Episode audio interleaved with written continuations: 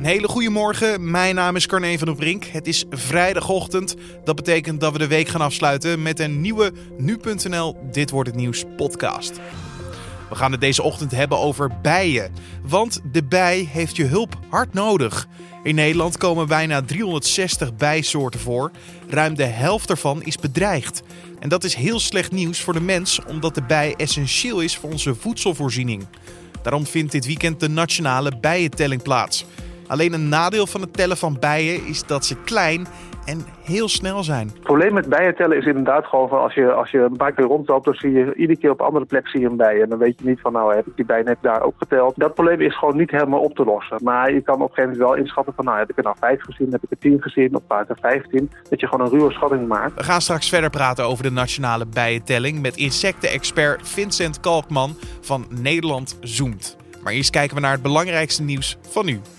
Bijna 800.000 Nederlanders die kanker overleefden, ervaren maatschappelijke en lichamelijke problemen. De groep krijgt moeilijk een hypotheek en vindt dat ze te weinig hulp krijgen bij de naweeën van de ziekte, omdat dokters hen als genezen bestempelen.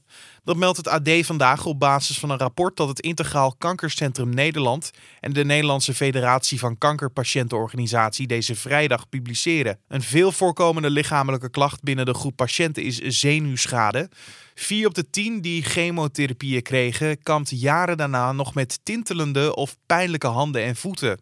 Uit het onderzoek blijkt dat een derde van een groep geen hypotheek krijgt en dat mensen die kanker overleven bijna twee keer zo vaak financieel in de problemen vergeleken met de rest van de bevolking.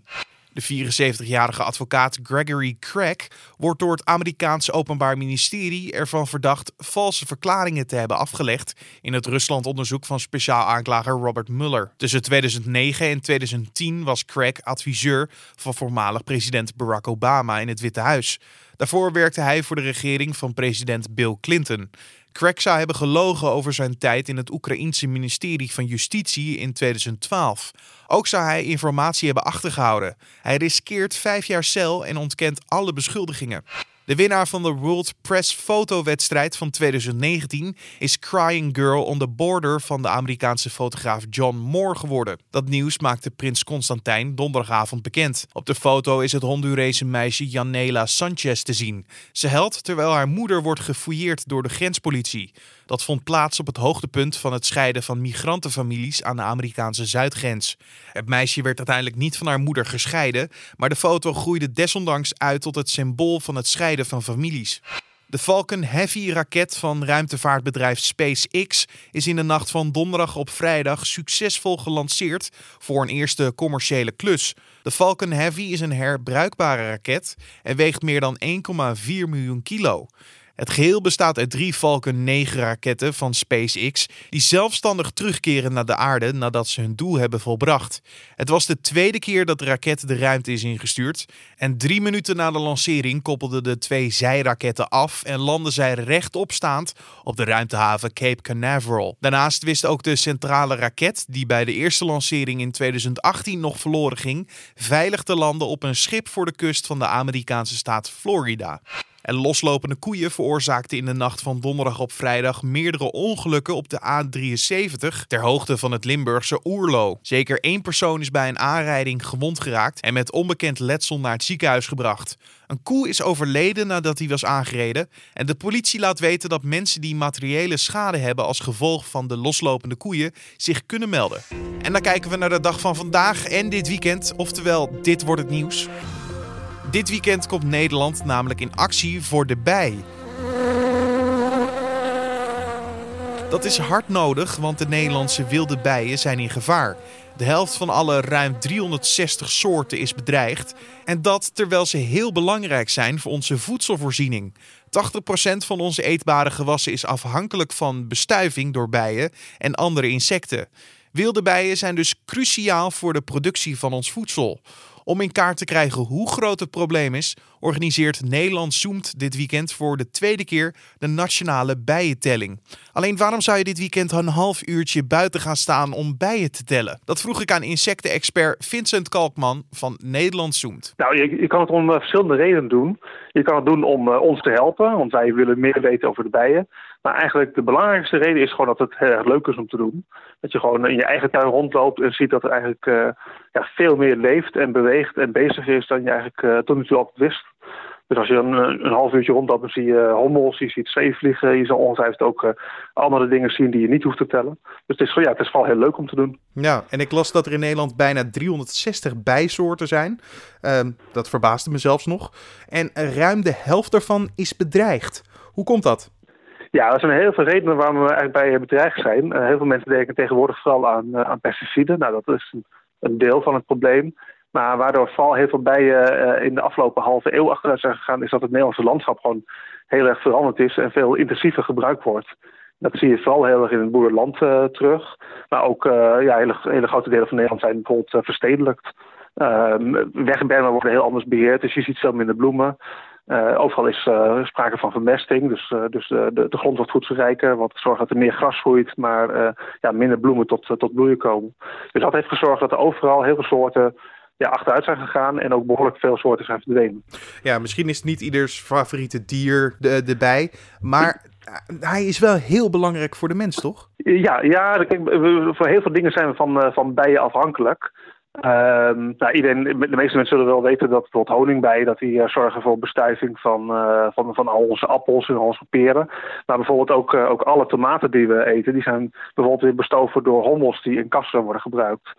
Um, en als je dan die bestuiving allemaal zo, zo, ja, zo, zo wegtellen, dus gewoon alle zweefvliegen en bijen wegdenkt, dan zou de productie in de landbouw ook echt een stuk lager liggen. Dus ze zijn ook echt economisch relevant. Die bijensterfte, hè? op dit moment is het daar erg uh, mee gesteld. Nou, kijk, het is, het is al iets wat. wat uh, uh, die achteruitgang van bijen is iets wat al tientallen jaren gebeurt. Het is alleen de afgelopen jaren opeens heel erg op het netvlies kwam te staan. Omdat het op een gegeven moment ook duidelijk werd dat de honingbij, dat het daar ook niet goed mee ging. En toen gingen mensen nadenken van ja, als die honingbij weg is, dan, dan zijn we onze bestuivers voor, uh, voor bijvoorbeeld voor fruitbomen kwijt. Kunnen we dan terugvallen op die wilde bijen. En toen gingen mensen zich realiseren van hé, hey, maar die wilde bijen, daar gaat het ook niet goed mee. Uh, en dat is dus op, op een gegeven moment geen alternatief meer.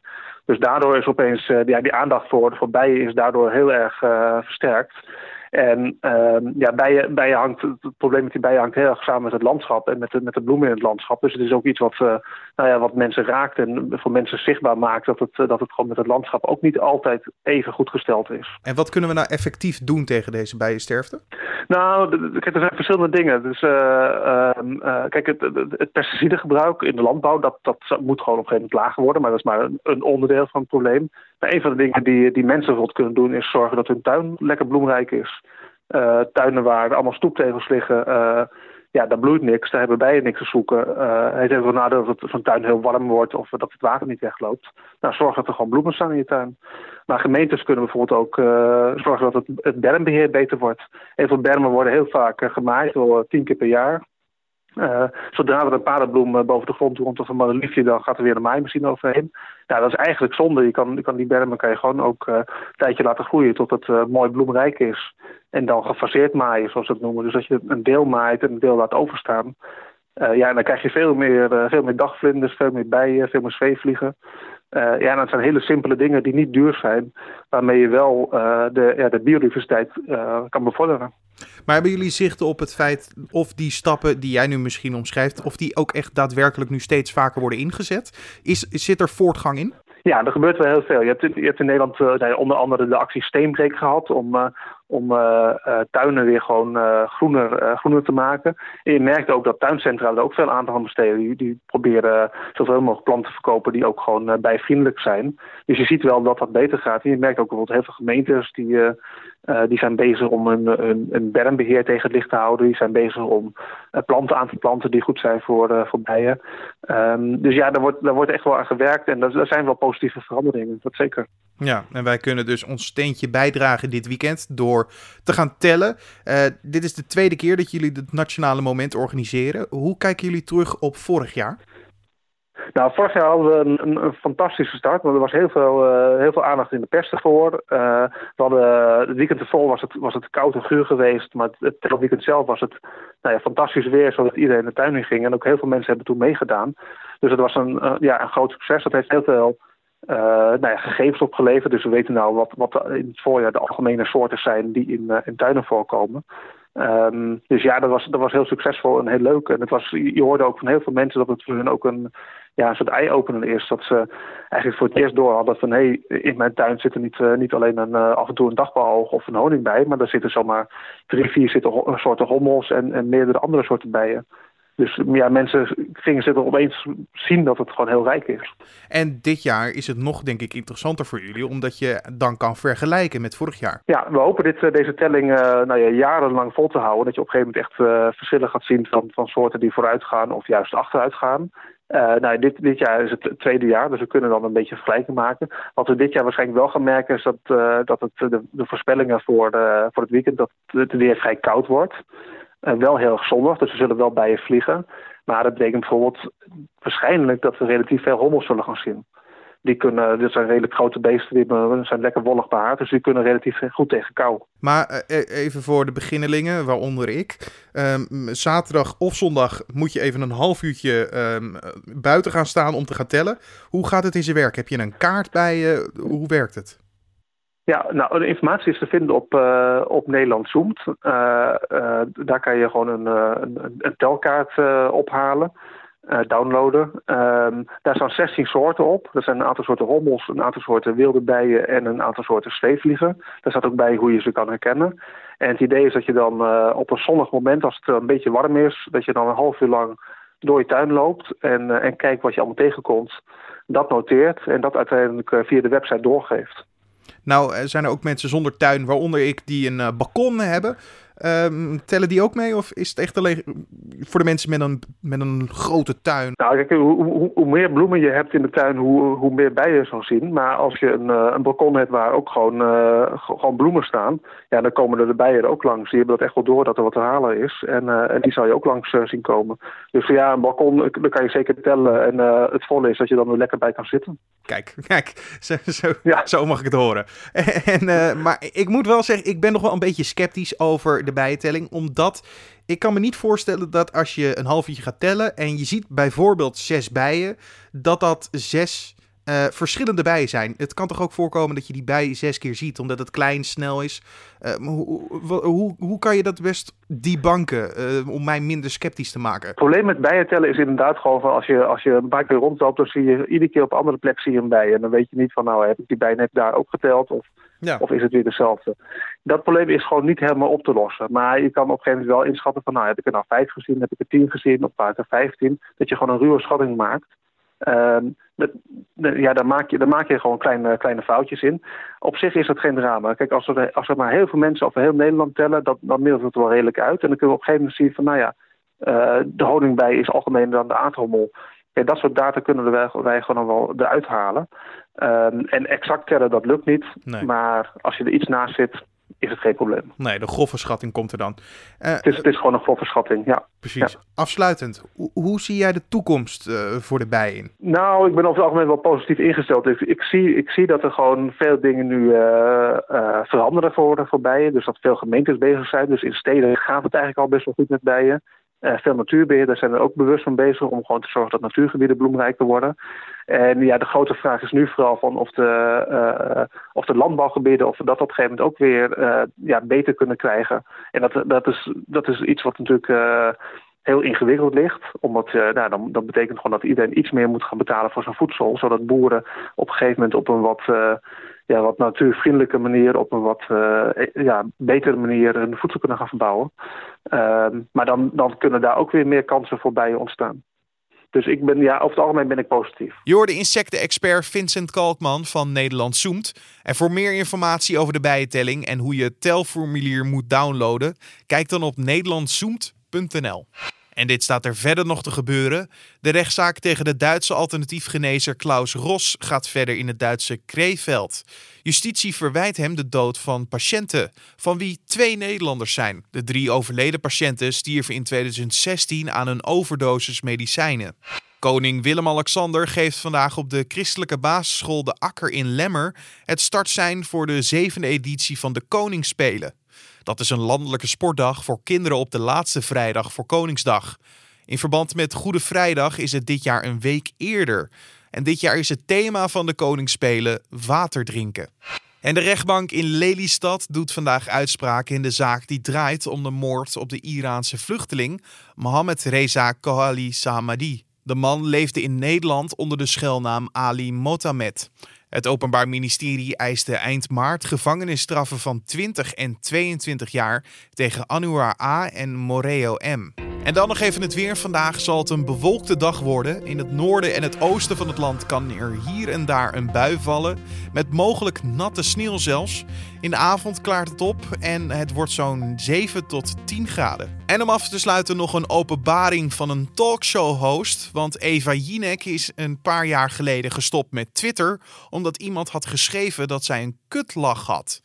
Dat bekende de presentatrice donderdag in haar talkshow in een thema-uitzending over social media. Zal je zeggen waarom ik eraf ben gegaan, al een paar jaar geleden? Ik uh, las ook, want er wordt altijd gezegd: je bent journalist, dus je moet op Twitter, je moet toch kunnen volgen wat er allemaal speelt. Dus ik had dat ook uiteraard. En op een gegeven moment um, had iemand geschreven: Jezus, vrouw, wat heb jij een vreselijke kutlach. En ik zit mijn programma te presenteren en ik wil lachen, omdat iemand iets grappigs zei. En in die split second bedacht ik me, want ik heb immers een kutlach. En ik dacht, nou is het afgelopen. Ik heb hier geen zin meer in. Ik ga mezelf bevrijden van deze onzin, dat ik nog even zelf bewust word van wie ik ben en alle dingen die over je gezegd worden. En sinds ik het weggeflikkerd heb, ben ik ook bevrijd. Ik herken nauwelijks schaamte nog. Nee, dat is niet waar. En dit was dan de Dit wordt het nieuws podcast voor deze vrijdag 12 april. Je vindt de podcast natuurlijk elke maandag tot en met vrijdag om 6 uur ochtends op de voorpagina van nu.nl. Vandaag krijg je ook nog eens een keer de kers op de taart. Week van nu, de langere vrijdagmiddag podcast. Misschien dat je die met collega's of vrienden bij de vrijdagmiddagborrel gaat luisteren. Hij komt in ieder geval vandaag aan het einde van de middag online in deze feed te staan of gewoon op de voorpagina van nu.nl. Je kan ons laten weten ook wat je van deze podcast vindt via een mailtje naar podcast.nu.nl of nog makkelijker via een recensie in iTunes. Mijn naam is Carne van der Brink. Ik wens je natuurlijk een heel fijn weekend en tot maandag.